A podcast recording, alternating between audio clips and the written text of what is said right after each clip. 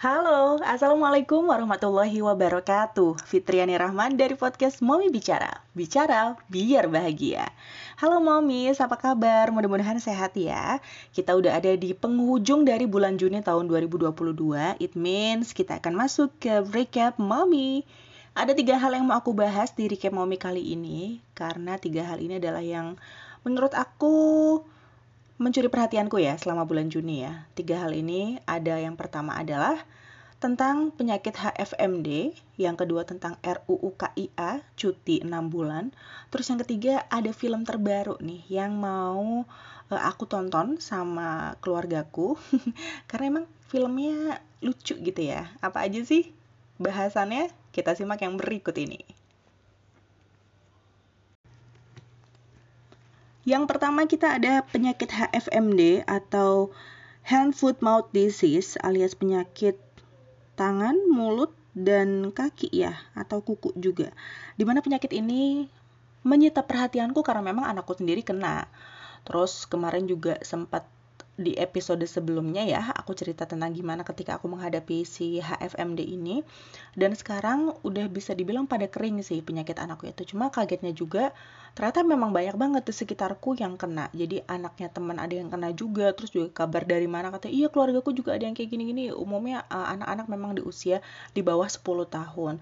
Dan untuk orang dewasa mungkin bisa jadi pembawa virus tapi nggak memunculkan gejala karena istilahnya itu asimptomatik ya mereka cuma jadi carrier doang tapi nggak bergejala seperti eh, anak-anak yang imunnya masih belum cukup kuat penyakit ini termasuk uh, bikin khawatir karena memang timbul merah-merahnya tuh banyak banget di tubuh. Kalau case anakku sih di muka cuman ada tiga ya totalnya ya. Terus lebih banyaknya itu di kaki, tangan, bahkan sampai ke sela-sela kaki dan tangan. Terus juga uh, di bagian pantat belakang ya. Pantat ya di belakang dong ya. Jadi uh, agak PR untuk ngasihin salepnya tapi minum obatnya alhamdulillah bisa nah yang jadi bikin khawatir juga sempat kemarin jadi pembahasan aku baca di Twitter ada di Instagram di Facebook juga gitu ya katanya orang-orang jadi pada mikir nanti kan mau Idul Adha nih Idul Adha itu kan mau nggak mau kita harus potong binatang dong. Ya emang ketentuannya seperti itu kan. Kita akan potong binatang ternak sapi lah domba lah kambing. Nah itu tuh mereka kan binatang-binatang yang e, berpotensi untuk bawa penyakit itu juga. Penyakit PM, PMK penyakit mulut dan kuku gitu. Cuma akhirnya ada kabar yang bilang enggak kok Indonesia e, terutama para dinas kesehatannya lah atau bagian yang mengurusi hewan-hewan ternak untuk kurban itu mereka sudah melakukan uh, inspeksi sudah melakukan penyelidikan terus juga pokoknya udah memastikan bahwa aman aman kok dari PMK terus juga ada yang nge-share di grup-grup WhatsApp keluarga tentang bagaimana sih memberlakukan daging dari binatang yang dikhawatirkan terkena PMK ini. Ternyata caranya adalah Dagingnya jangan dicuci justru, tapi harus langsung direbus dalam air yang mendidih untuk mematikan virus-virusnya itu. Terus juga kalau nggak langsung dikonsumsi, nggak langsung diolah, itu dimasukkan ke kulkas dulu ke chiller. Setelah dimasukkan ke chiller selama semalaman, baru bisa taruh di freezer dan besoknya kalau misalnya mau dipakai, uh, dagingnya lebih aman katanya gitu. So, itulah kurang lebih hal yang menarik dari si penyakit PMK ini atau HFMD. Next kita ke RUU KIA. Informasi tentang RUU KIA ini aku dapetin ketika lagi scrolling Instagram ya. Terus tiba-tiba ada tentang, wah sekarang lagi ada pembahasan nih katanya mau ada cuti melahirkan selama 6 bulan untuk perempuan. Wah, sebagai seorang ibu, aku tentu setuju ya ketika pertama kali dengar kabar itu wah keren banget nih berarti semakin banyak anak-anak yang bisa mendapatkan AC eksklusif. Makin banyak bayi yang bisa mendapatkan AC eksklusif. Saat itu pikiranku seperti itu. Uh, aku pokoknya 100% agree lah sebagai seorang ibu aku setuju banget banget. Tapi kemudian aku baca-baca lagi dari berbagai uh, media gitu ya artikel-artikel juga. Terus juga ada yang komen ya nanti kalau perempuan dapat cutinya banyak pengusaha jadi mikir-mikir dong kalau mau nge-hire perempuan. Karena dianggapnya ah repot ah nge-hire perempuan. Nanti ada cuti haid, ada cuti melahirkan, ada cuti hamil, ada izin ke dokter kandungan atau apalah apalah segala macam. Yang katanya perempuan tuh jadi jauh nggak produktif dibandingkan kalau misal nge-hire laki-laki katanya gitu. Jadi banyak juga yang ngerasa ya udahlah kayak biasanya aja kalau emang mau kerja mah ya udah resiko. Namanya juga perempuan mau kerja kok enak banget pengennya dapat cuti tapi dibayar juga lah. Perusahaan dapat duitnya dari mana kalau karyawannya nggak kerja? Katanya gitu ya. Well karena udah lama jadi ibu rumah tangga mungkin pikiranku yang pertama itu adalah otomatis gitu ya. Oh ya setuju gitu. Tapi ternyata ketika disandingkan lagi dengan kepentingan-kepentingan lain karena kan si perempuan ini kan bekerja di mana bekerja itu kan untuk menghasilkan sesuatu di tempat kerjanya. Kalau nggak ada yang dikerjain ya dapat penghasilan dari mana? Benar juga sih.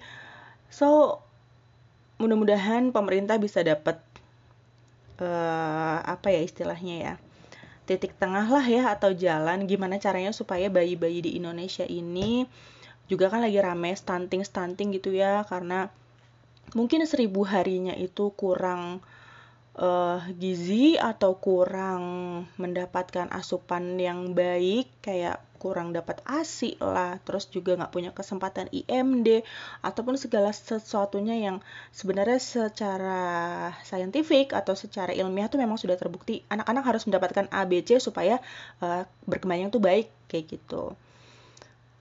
Emang tricky sih ya, karena memang yang melahirkan yang hamil dan melahirkan kan perempuan. Tapi perempuan juga nggak pengen dikekang nggak pengen uh, dibatasi kemampuannya untuk berkarya. Just because I'm a mother aku nggak mau terus jadi disisihkan gitu.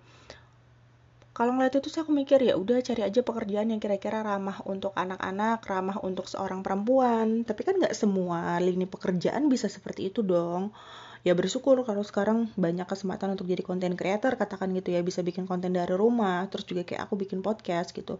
Ataupun uh, nerima endorsan jadi affiliate jadi dropshipper itu kan banyak banget sekarang terbuka. Cuma kan ada beberapa perempuan yang memang passionnya tuh aku nggak passion di situ gitu. Passionku ya ada di kerjaan kantor. Uh, mau nggak mau aku harus ngantor atau mungkin kerja di pabrik gitu kan. Karena memang uh, bisanya saat itu aku hanya bisa melamarnya di bagian ini di pabrik misal. Ya mau nggak mau ya banyak banget lah hal yang perlu dipertimbangkan ketika mau ngasih cuti enam bulan ini. Ternyata ada belakang-belakangnya nih ngikutnya nih rame banget. Nggak cuma sekedar mikir tentang anak. Makanya ketika aku kerja pun dulu akhirnya banyak yang banyak yang memutuskan untuk ya udah aku cuti melahirkan sekalian resign jadi pas cuti melahirkan itu dapat gaji tapi habis itu nggak masuk lagi resign karena mikirnya ternyata gue nggak sanggup ninggalin uh, anak bayi yang masih tiga bulan untuk kerja lagi. Banyak yang seperti itu tapi aku waktu itu memutuskan bahkan sebelum aku melahirkan aku udah resign karena aku mikir nextnya aku kayaknya nggak bisa deh ninggalin anakku buat kerja. Apalagi waktu itu perjalanan ke kantor bolak-balik itu bisa memakan 4 sampai 5 jam belum lagi di kerjanya ya masuk jam 8 pulang jam 5 ditambah sama kantor bolak-balik 5 jam ya you can count lah berapa jam aku seharian keluar rumah Senin sampai Jumat. Ya saat itu aku mikirnya aduh gue nggak sanggup nih nggak sanggup deh. Makanya aku resign bahkan sebelum dapat cuti melahirkan bahkan sebelum lahir gitu. Semangat untuk para pemangku kebijakan semoga mendapatkan hmm, semoga mendapatkan alternatif terbaik supaya perempuan tetap bisa berkarya tapi juga tetap mendapatkan hak-haknya untuk uh, memberi ASI selama enam bulan minimal gitu ya ataupun yang lain-lain. Bisa lah bisa insya Allah ya. Semangat! Yang ketiga ataupun yang terakhir ini tuh tentang sebuah film yang film pertamanya tuh ada beberapa tahun yang lalu dan ini katanya sequelnya. Oh bukan sequel ya istilahnya ya prequel. Film ini sekaligus menjadi seri kelima dari Waralaba Despicable Me. Oh wow wow wow. Udah dibocorin aja filmnya. Jadi kemarin tuh si adik iparku bilang mbak ayo ke bioskop nonton Minions. Katanya wah Minions. Anak-anakku suka banget nonton Minions. Anak-anakku suka banget karena emang Minions tuh kan gemes kan. Nggak cuma anak-anak aku juga gemes banget sama si Minion itu. Karena lucu apalagi waktu pas dibilang pernah ada sebutan mendengarkan bahasa Indonesianya gitu kan di bahasanya Minion yang ya kadang kita suka nggak ngerti apa sih mereka ngomongnya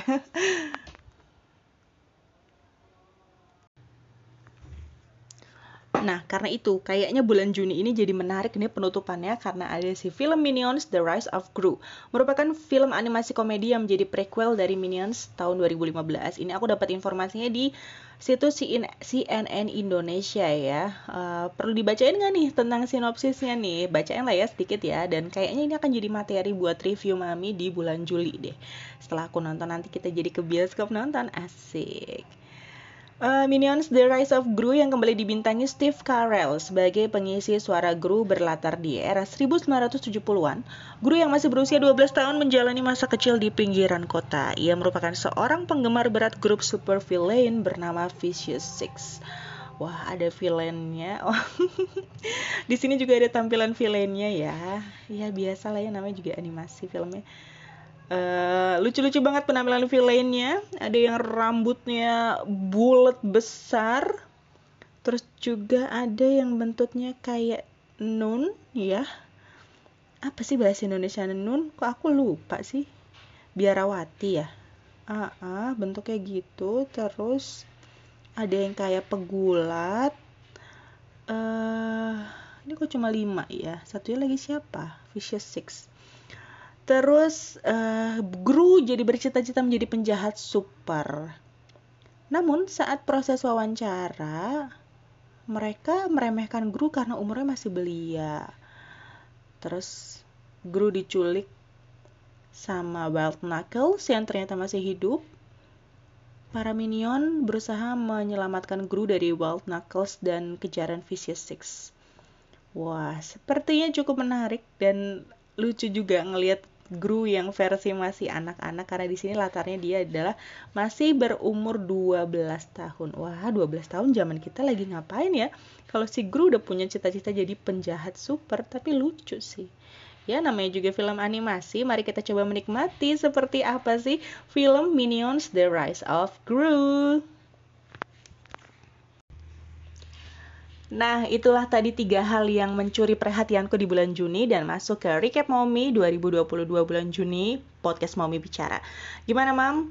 Apakah anaknya ada yang kena HFMD juga atau tetangganya ada yang kena atau sekitarnya ada yang kena? Terus juga gimana nih menurut Mami pendapatnya tentang si RUU KIA cuti melahirkan selama 6 bulan ini. Apakah hanya untuk ibunya aja ataukah nggak usah sepanjang itu ataukah ayahnya juga perlu dapat cuti atau justru tiga bulan tiga bulan ayahnya tiga bulan ibunya tiga bulan gitu atau bagaimana ini? Punya pendapat boleh banget. Silahkan kirim ke kolom komentar ataupun juga DM ke Instagram at Mommy Bicara follow juga terus juga subscribe ini podcastnya. Di Spotify ada di Noise ada di Anchor dan juga di Google Podcast ada. Mohon maaf ya kalau aku ngomongnya suka agak cepat karena aku bayangin aku tuh lagi ngobrol sama temen gitu. Dan ya biasanya memang seperti ini. Mudah-mudahan tetap kedengeran dan bermanfaat ya. And then yang terakhir tadi kita juga bahas tentang film terbarunya Minions, Minions The Rise of Gru yang tayang mulai tanggal 29 Juni di bioskop-bioskop kesayangan Anda. So jangan lewatkan dan silakan nanti berbagi juga reviewnya, tunggu juga reviewnya ya buat minggu depan. Minggu pertama di bulan Juli tahun 2022. Masih barengan aku Fitriani Rahman dari podcast Momi Bicara, Bicara Biar Bahagia. Sampai jumpa minggu depan insya Allah. Wassalamualaikum warahmatullahi wabarakatuh.